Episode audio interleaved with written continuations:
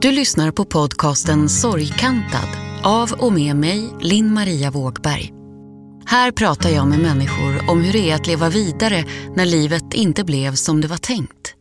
I min senaste bok Ett sorgkantat mirakel beskriver jag hur vårt liv blev efter min äldste son Leos olycka och jämför det med vårt liv i landet Längtan, en sorts parallell imaginär tillvaro där livet alltjämt pågår så som det var tänkt.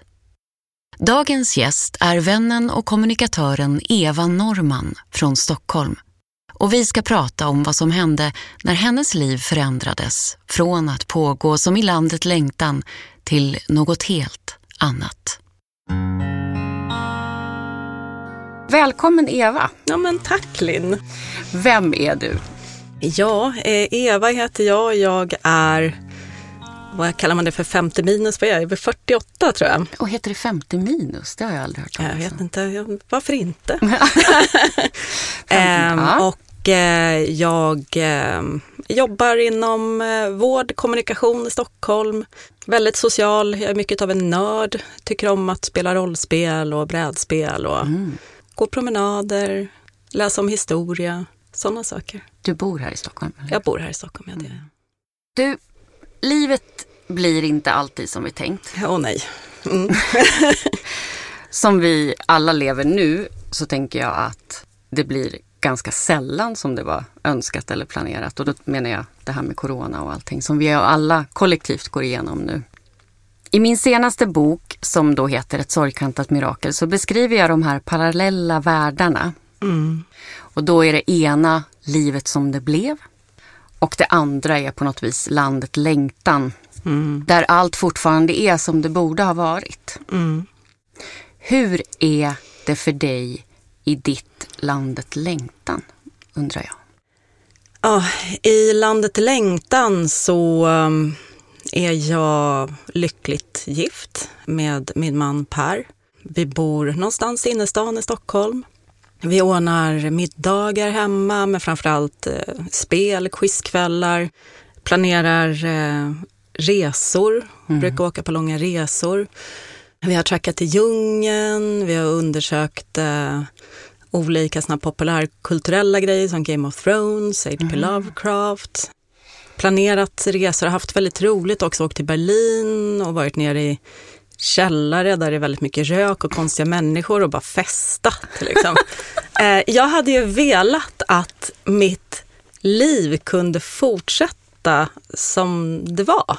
Var det lite så här som du beskriver innan? Ja, jag hade ett helt fantastiskt liv. Mm. Vad var det som hände? Ja, det började egentligen sommaren och det var ju sommaren efter Leos olycka. Mm. Så um, märkte jag att det var någonting som var konstigt med min man. Han var tröttare än vanligt, han var disträ, han glömde grejer. Um, det var små, små grejer. Jag kan inte, fortfarande inte riktigt sätta fingrarna på exakt vad det var, men om man känner någon så väl så märker man och det började bara gå så här kalla kårar eh, mm. längs ryggraden på mig. När vi kom hem till Stockholm igen efter semestern så tilltog det där. Fram tills i början av september någon gång som jag övertalade honom att vi måste åka in till akuten. Han kände inte själv att någonting var... Nej. När vi väl åkte in till akuten hade jag märkt att han inte längre kunde knäppa sina byxor. Mm -hmm. Och han hävdade att han visst hade gjort det. Jag varit alldeles kall i hela kroppen och jag tänkte att det värsta, värsta, värsta, värsta som kan hända är att han har ALS, tänkte jag, vilket mm. inte visade sig vara sant. Jag ville ju så gärna få honom till vård som kunde berätta vad det var för någonting. Och eh, där gjorde de en eh, röntgen av hans hjärna och visade sig att han hade en tumör i hjärnbalken, i liksom själva centrum av hjärnan. Mm. Som inte gick att operera, inte gick att stråla. Så blev ju Per då inlagd med en gång på neuro på Karolinska. Mm. Och efter tre dagar så tappade jag kontakten med honom helt. Han var helt borta i huvudet. Det gick inte att prata med honom. Och då sa en läkare till mig att han trodde att Per höll på att dö där och då. Det gjorde han inte. Han dog åtta månader senare istället. Hur gjorde du med den chocken? Det går inte att göra någonting med den chocken. Mina minnesbilder därifrån är ju väldigt fragmenterade och eh, det var som att ha en flock med vilda fåglar som flög omkring i huvudet på mig. Mm. Det fanns liksom ingen struktur på någonting. Nej. Och allt jag kunde tänka på, alltså allt jag kunde fokusera på var Per. Det mm. var allt. Mm. Eh, jag ville inte sova, jag ville inte äta. Jag vägrade gå därifrån. De försökte ju få mig att åka hem. Men jag bara mm. vägrade. Så att jag förlorade honom till stor del faktiskt där. Redan då? Redan då, för efteråt. Han kom tillbaka sen under hösten, men kanske som 30 procent min man. Men aldrig den här levnadsglada, pigga, påhittiga mannen som jag dessutom väldigt mycket kunde luta mig på. När jag behövde det stödet som allra bäst så fanns det inte där. Då klev min syster in istället, som är min jättestora hjälte, hjältinna, och min svåger. Hjälpte mig med praktiska saker och sen dessutom försökte få mig att äta någonting, vilket jag absolut inte tyckte var prioriterat överhuvudtaget. men, men syrran hon tjatade om det hela tiden. Och sen så höll hon om mig. Uh, och det gjorde min svåger också. Fredrik han höll också om mig ibland, bara kramade mig. Mm. I och med att Per hade en hjärntumör och de kan utvecklas på väldigt många olika sätt, så det fanns liksom inga standardiserade vårdförlopp för det på den tiden. Och i och med att han inte kunde opereras eller strålas så glömde man liksom bort honom. Mm. Sen så fick jag slåss mot vården på olika sätt under åtta månader. Mm. Jag kunde aldrig slappna av, jag kunde aldrig känna att, Ni var omhändertagna. att vi var omhändertagna. Jag minns att en, en hemsk tanke som slog mig faktiskt efter han hade dött var att jag kunde slappna av för att nu skulle inte jag behöva försöka slåss för att de inte skulle göra någon illa längre. Det, det är fel. Jag vet att ni har också upplevt en hel del sådana här absurditeter verkligen. Ja, som man precis som du sa i början där att i efterhand så tänker man, men har det här verkligen hänt? Ja. Är det ens möjligt? Är det ens möjligt, ja.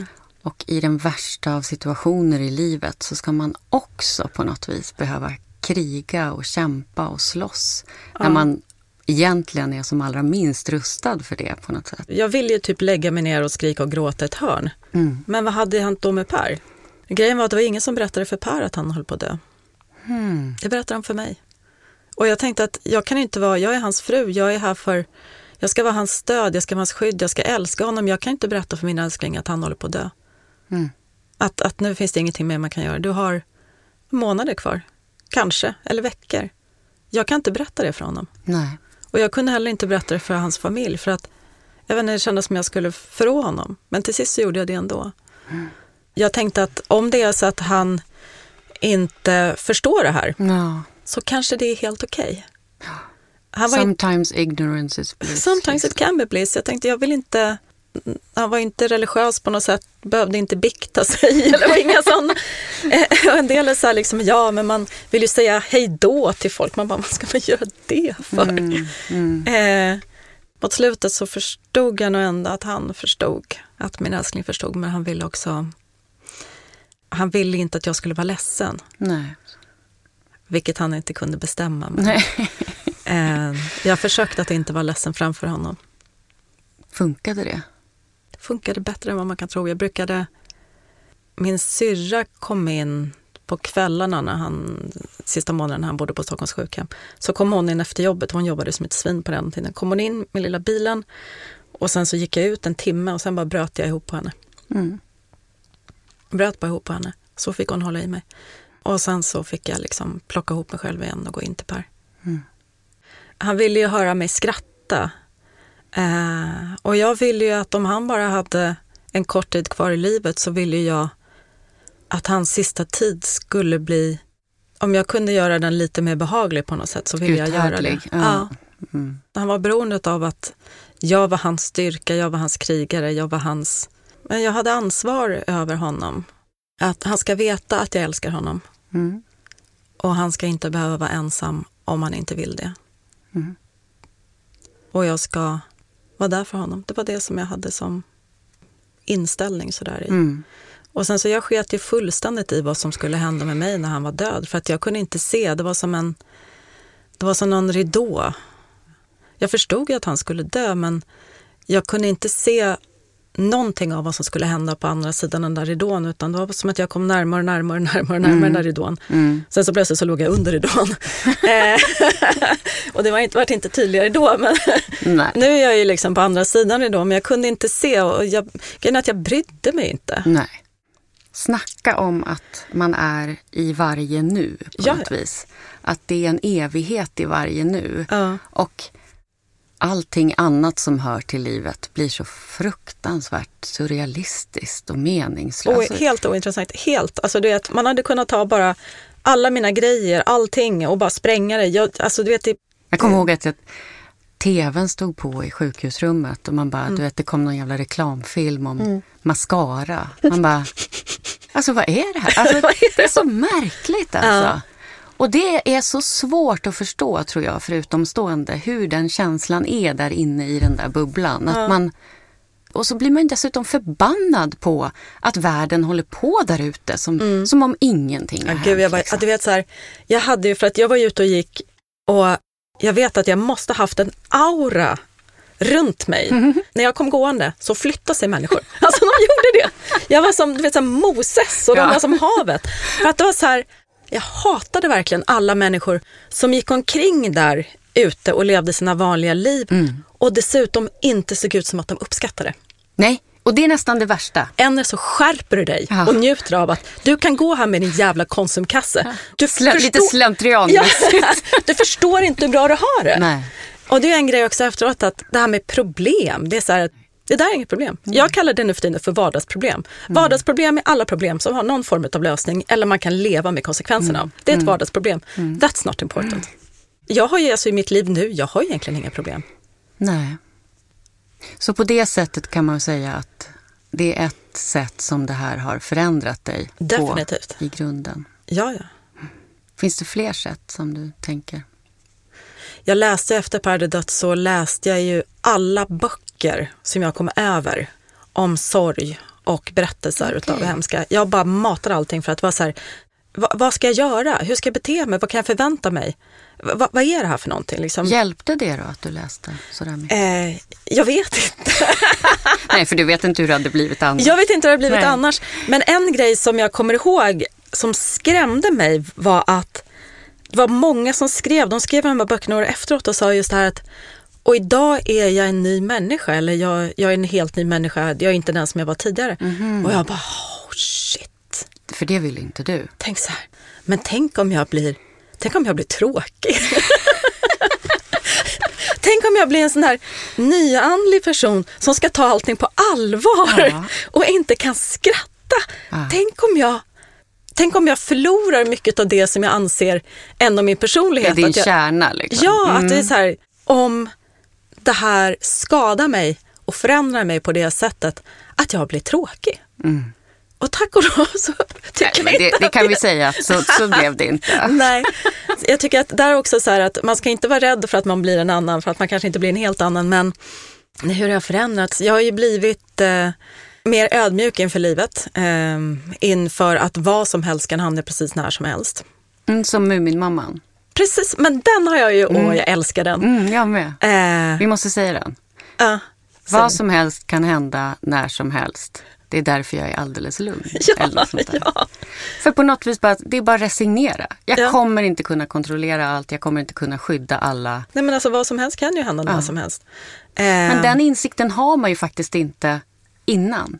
Det var inte så att jag gick omkring och trodde att vi var helt odödliga och inget hemskt skulle hända i vårt liv. Mm. Men det är en sekund ifrån katastrof nästan hela tiden. Nästan hela tiden, ja. Liksom, jag höll i min älskling när han dog. Mm.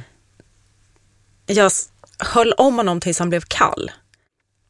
Då förstår man det på ett helt annat sätt. Mm. För det blir så väldigt konkret. Mm. Och att efter döden, Elvis left the building. Det var verkligen så. Kroppen efter min man var någonting som jag värnade om. Men det var inte han. Nej, visst är det märkligt ja. att på en sekund, en sekund, det finns inte där, det är ett skal. Det är snart sex år sedan min son Leo råkade ut för den där förbannade olyckan som förändrade allt. I sex år har vi alla kämpat, krigat, gråtit, skrattat, sörjt och varit tacksamma. Det känns som ett halvt liv och som knappt någon tid alls. Jag har funderat väldigt mycket på att sorgen inte går över. Den är inte samma. Den förändras hela tiden, böljar, kommer och går, men den finns alltid närvarande. Sorg är ingen linjär känsla som trappas ner enligt tidsaxelns utplanande kurva. Jag tänker att vi sörjer så som vi älskar. Och bara för att vi förlorar något eller någon vi älskar så försvinner inte kärleken. När Eva förlorade Per så slutade ju inte hon älska honom för det. Relationen upphör inte med döden. Det är kärleken som är relationen och den fortsätter även om personen och kroppen som man hyser kärleken till försvinner.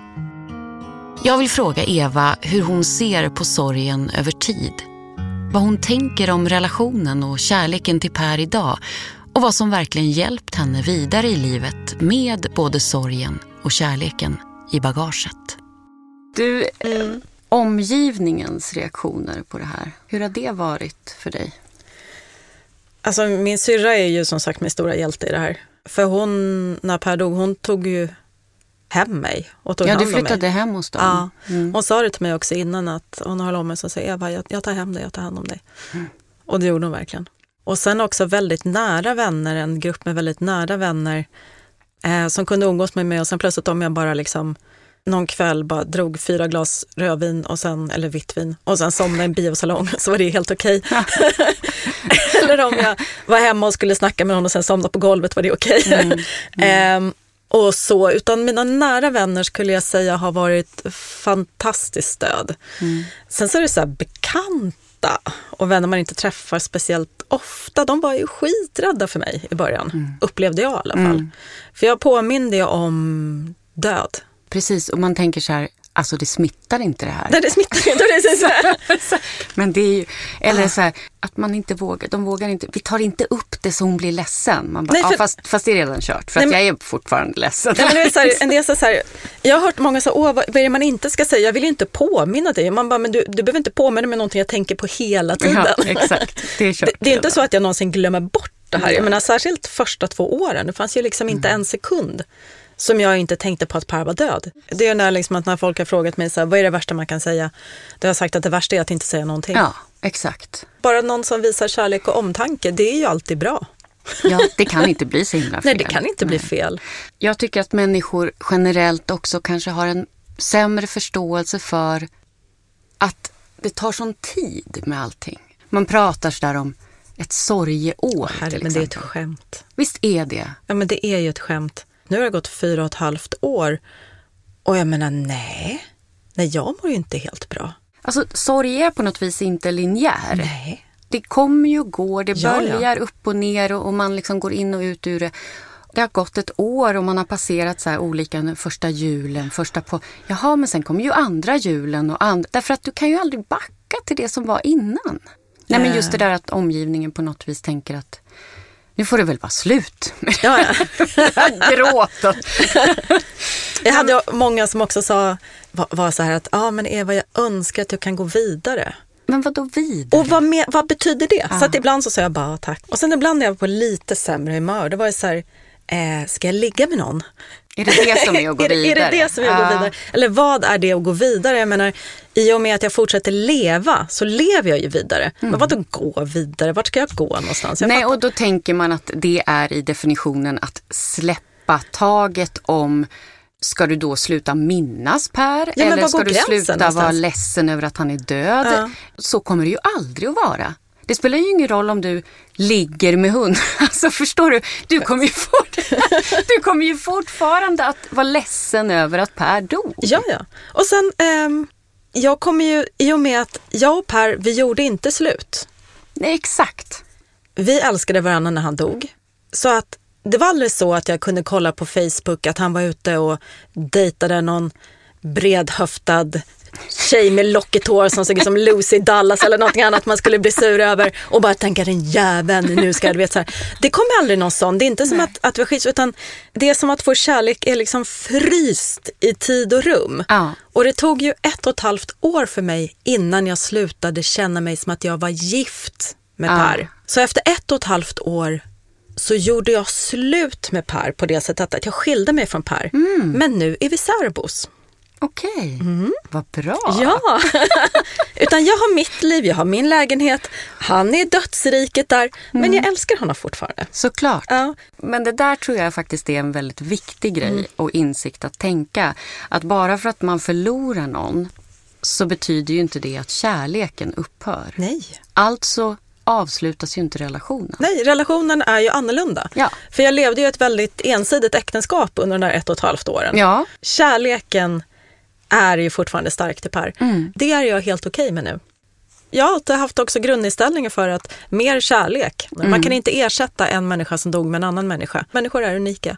Däremot så kan man skaffa sig mer människor i sitt liv. Skapa nya relationer. Det är det som är så fint med livet. Att så länge man lever så kan man lära känna nya människor, älska dem, umgås med dem. Det är ju det som jag egentligen tycker bäst om i livet. Det och katter.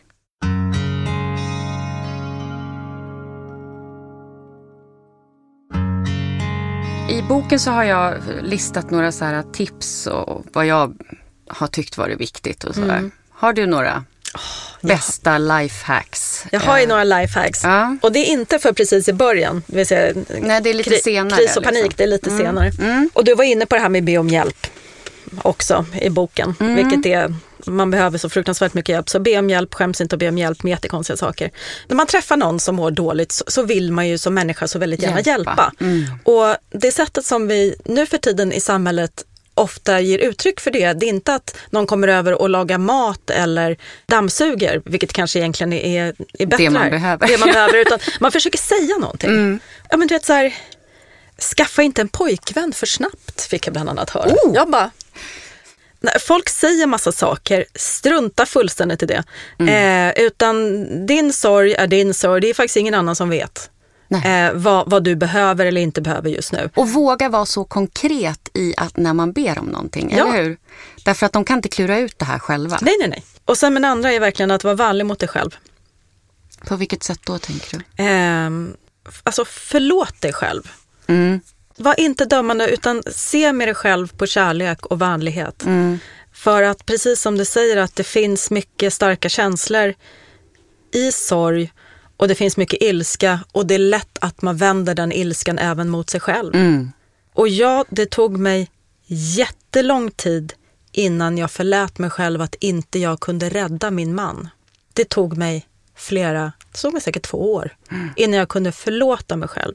Fastän du förnuftsmässigt förstod Ja, att du inte kunde det. Men, känslomässigt ville, så... jag ja. ville så gärna rädda honom. Och jag har aldrig velat och kämpat för någonting så mycket i hela mitt liv. Och jag misslyckades. Och det hade jag jättesvårt att acceptera. Men då kom jag fram till att om jag inte egentligen från början kunde förlåta mig själv så skulle jag i alla fall försöka förlåta mig själv för att jag inte kunde förlåta mig själv just nu. Utan det är så här att jag kan inte förlåta mig själv nu. Jag förstår att det är ett logiskt hål här. Men ja, okej, jag förlåter mig själv att jag inte kan förlåta mig själv just nu. superbra. Så hoppas jag att jag kan förlåta mig själv lite senare. Precis, för just nu är lite keyword där också. Ja, så här nu. är det just nu. Just nu. Så att man inte liksom trasslar in sig själv i, i att göra livet värre för sig själv än vad det redan är. Nej. Var vänlig mot dig själv. Se på dig själv med snällast möjliga blick. Mm. Och sen har jag att man ska låta sorgen vara slarvig. Okej, vad menar du med det?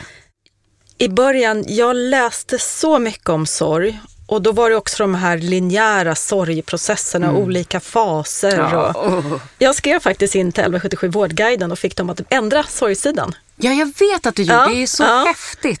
Ehm, utan att låta sorgen, bara låta den vara slarvig, bara lämna den i fred. Det kan vara som en sån här, du vet en hundvalp eller någon som bara springer omkring och ibland hoppar den upp på soffan och ibland så kissar den på mattan och ibland så ligger den och är jättegullig och det är så här, försök att inte styra den för den kan inte styras.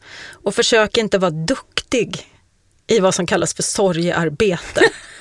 det är också så här, Ja, för att man är så här eh, presterande person Ja. som jag vill ju hela tiden, jag vill kunna göra någonting. Ja. Men sorry, du kan inte göra så jäkla mycket. Eh, Den är slarvig. Mm. Bara så här, "Oj, idag mår jag dåligt, ja men då mår jag dåligt. Imorgon kanske jag mår bättre, vem vet? Eller inte. Ja.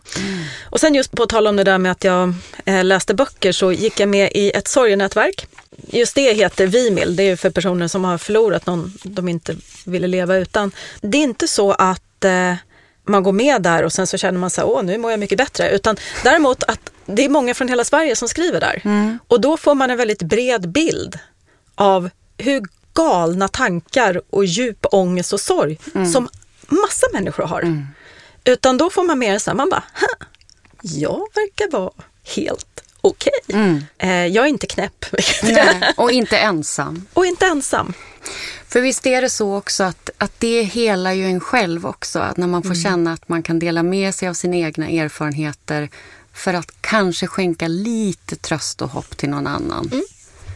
För på något vis så blir det liksom det som skänker lite, lite mening till det som annars är så brutalt meningslöst. Liksom. På något vis vad jag gör med mitt Holland. Alltså det där. Alltså förstår du, vad ska jag göra bara- här då bland mina jävla bara, vänner? nej, men du ordnar en sån här kanaltur. Med en guidad tur En som jag står guidad och pratar lite Ja. i mikrofon. I discoklänning med gin och tonic. Absolut.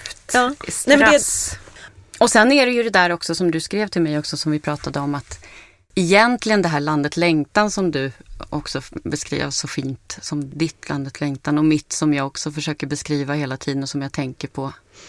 Det är ju bara min föreställning om vad livet skulle ha varit nu Mm.